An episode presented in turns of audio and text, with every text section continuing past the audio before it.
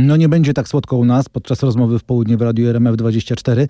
Jest z nami poseł Koalicji Obywatelskiej, wiceprzewodniczący Sejmowej Komisji Śledczej do spraw Pegasusa Marcin Bosacki. Dzień dobry panie pośle. Dzień dobry panie redaktorze, dzień dobry państwu. Stawię się przed Komisją do spraw Pegasusa, mówi dzisiaj rano w RMF FM Maciej Wąsik. On i pan Kamiński przyjdą jako pierwsi pana zdaniem? Od nich trzeba zacząć? Myślę, że nie, że najpierw trzeba zacząć od y, tych, których podpisy się znalazły pod y, nielegalną inwigilacją Pegasusem, czyli szefów CBA i być może od tych, którzy kupowali y, Pegasusa, wydając na to 25 milionów y, publicznych pieniędzy z funduszu, co jest szczególnym szczególną perwersją z funduszu, y, który miał służyć pomocy ofiarom przestępstw. A jeżeli pan tak mówi, panie Ale pośle, to... Oczywiście panowie Wąsik i Kamiński e, na pewno w nieodległym czasie myślę, że to może być jedno z pierwszych e, posiedzeń, chociaż nie sądzę, żeby było pierwsze. Jeżeli pan tak mówi, to rozumiem, że Zbigniew Ziobro też pewnie, będzie wzywany przed komisję, ale jego problemy ze zdrowiem wykluczają stawiennictwo się przed, przed Komisją do spraw Pegasusa. Jestem przekonany, że będziemy chcieli pana byłego ministra Ziobrę wezwać przed komisję. Jeśli on rzeczywiście e, przedstawi uzasadnione zwolnienie le- lekarskie, to będzie mógł e, złożyć zeznania na piśmie naturalnie. Nie wszystko będzie można powiedzieć w trybie jawnym. Część rzeczy na pewno będzie w trybie niejawnym, na część ustawa w ogóle nie pozwala. Tak mówi Wąsik dzisiaj u nas y, na antenie. To znaczy, że, y, że posiedzenia będą niejawne, jeśli chodzi o część, y, część obrad komisji śledczej? Część posiedzeń na pewno będzie niejawna. Ja uważam, jestem w tej grupie członków komisji, którzy chcą, żeby jak najmniejsza część y, posiedzeń y, komisji była niejawna. I nie zgadzam się z em, stwierdzeniami byłego ministra Wąsika, e, byłego koordynatora pisowskich służb specjalnych, że e, część e, jego wiedzy w ogóle nie będzie mogła być przekazana komisji. Komisja E, O to już wystąpiliśmy. E, Wszyscy jej członkowie będą, mam nadzieję, przejdą weryfikację służb i będą mieli dostęp do informacji niejawnych aż do poziomu ściśle tajne. A kto będzie decydował, czy posiedzenie jest jawne, czy nie będzie jawne? E, To będzie decydowało prezydium i przewodnicząca komisji. Jeżeli to jest decyzja prezydium, to może być też tak, że nie wiem, prezydium wystąpi na przykład do odpowiedniego ministra o odtajnienie albo zdjęcie klauzuli z dokumentów i wtedy posiedzenie może być jawne? Tak jest, oczywiście. Zgodnie z przepisami w, m, mogą ci, którzy, czy te instytucje, czy szefowie tych instytucji, którzy wytworzyły dokumenty niejawne, je odtajnić. Pytanie, czy będą chcieli to zrobić naturalnie. E, Więc dlatego uważam, że pewnie część posiedzeń będzie jednak e, utajniona, bo członkowie e, komisji będą musieli poznać prawdę, a e, zeznający lub przedkładający dokumenty e, nie będą chcieli ich odtajnić. Więc wtedy w takim wypadku po- posiedzenia będą, będą tajne. Nie wykluczam, że tak jak w wypadku Komisji Senackiej i jej raportu powstanie część tajna ostatecznego raportu e, komisji, ale e, jak mówię, naszym celem jest to, żeby e, Polki i Polacy, którzy bardzo się interesują tą sprawą, mogli poznać jak największą część e, prawdy w sposób jawny. E, Ale Wąsik też mówi, że lista osób, który, mm, wobec których stosowano Pegasusa, też nie będzie podana na posiedzeniu jawnym. Czy rozumiem, że ta informacja też będzie niedostępna dla opinii publicznej? E, My najpierw wystąpimy do służb o tą listę, o sporządzenie takiej kwerendy. E, Wiemy, że już się toczą i w prokuraturze, i w służbach specjalnych e, no, wewnętrzne audyty na temat Pegasusa. My, udostęp, my, my wystąpimy o udostępnienie ich członkom komisji. Nie wiem, czy wszystkie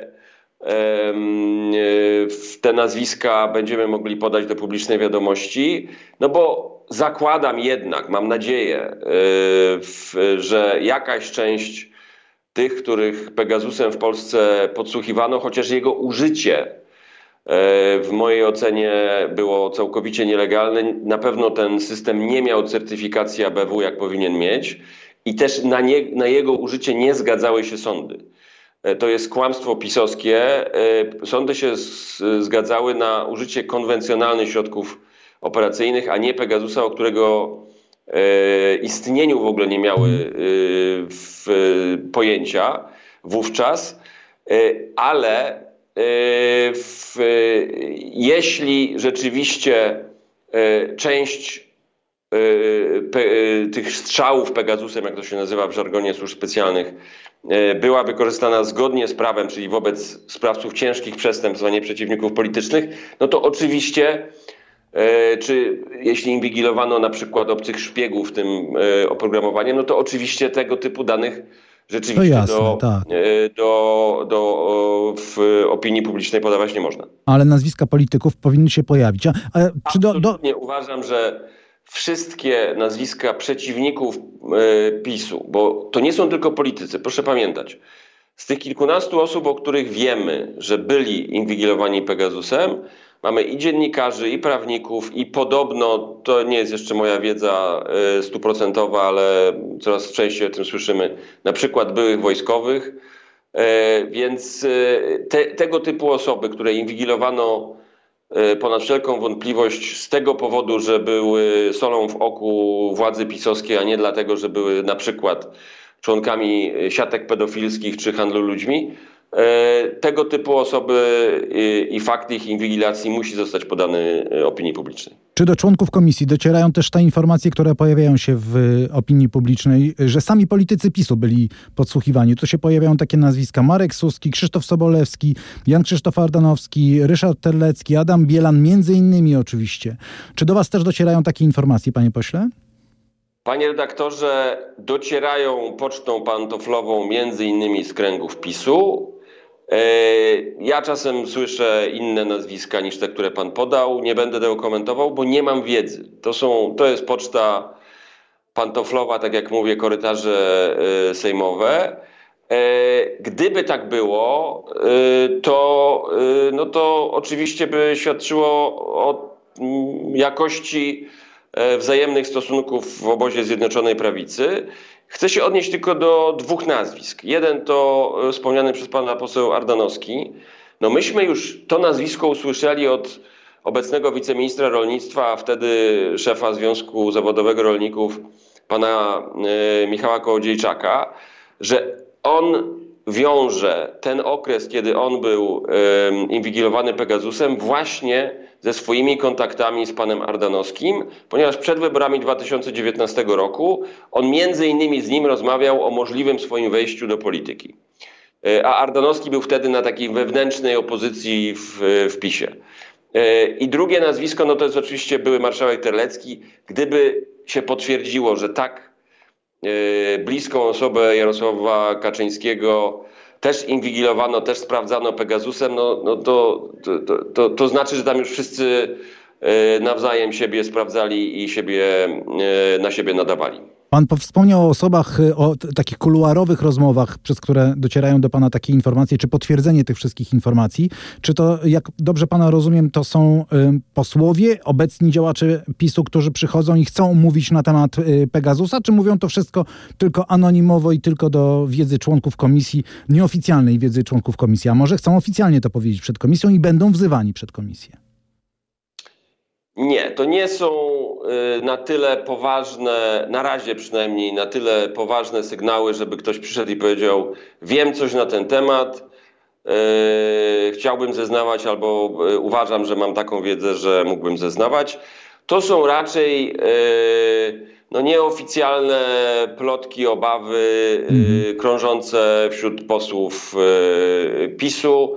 Nikt z tych, którzy decydowali wtedy o tym, kogo inwigilować Pegasusem, a kogo nie, nie przyszedł do nas na razie przynajmniej i nie powiedział, chcę zeznawać. Takiej twardej e, wiedzy na razie e, nie mam, nikt tego typu się nie zgłosił. Panie pośle, jeszcze chciałem pana zapytać o te wczorajsze wydarzenia przed Sejmem. Pan był, pan był tam blisko, czy pan był wtedy w budynku parlamentu? Ja byłem wewnątrz, y, zresztą na komisji, ale oczywiście w, no, obserwowaliśmy. No tak, jak wszyscy. Posłowie na, na, na tab, tabletach czy, czy telefonach komórkowych, co się dzieje.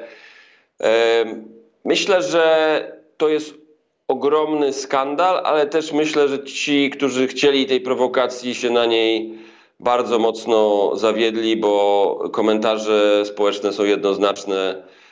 Niepotrzebne warcholstwo i robienie z, z ze świątyni demokracji, w której, którą powinien być polski Sejm, e, no jakiejś, jakiejś wiejskiej budy y, do mordobicia. Tak? Ale pa, panie pośle, pan, chciałem pana zapytać jeszcze o, o tę reakcję marszałka Hołowni, który zapowiada i kary dyscyplinarne, ale także kary y, finansowe dla posłów obecnej opozycji.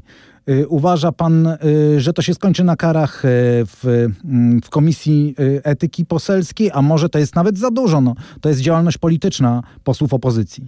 No nie, nie, nie, nie, nie. Panie, panie redaktorze, e, jeśli uznajemy słusznie czasem, że nawet y, wolność słowa y, musi być w tym sensie limitowana, że nie można bezkarnie kogoś obrażać albo mu zarzucać na przykład działalności przestępczej i za to są karani posłowie, to tym bardziej za czy pomoc w ataku fizycznym na nie tylko budynki parlamentu, ale też co widzieliśmy na tych filmach, na e, funkcjonariuszy Straży Marszałkowskiej. To jest najbardziej haniebne e, w tym, co, czego się dopuścił między innymi poseł Macierewicz, znany e, warchoł po raz kolejny pokazał swoje prawdziwe oblicze.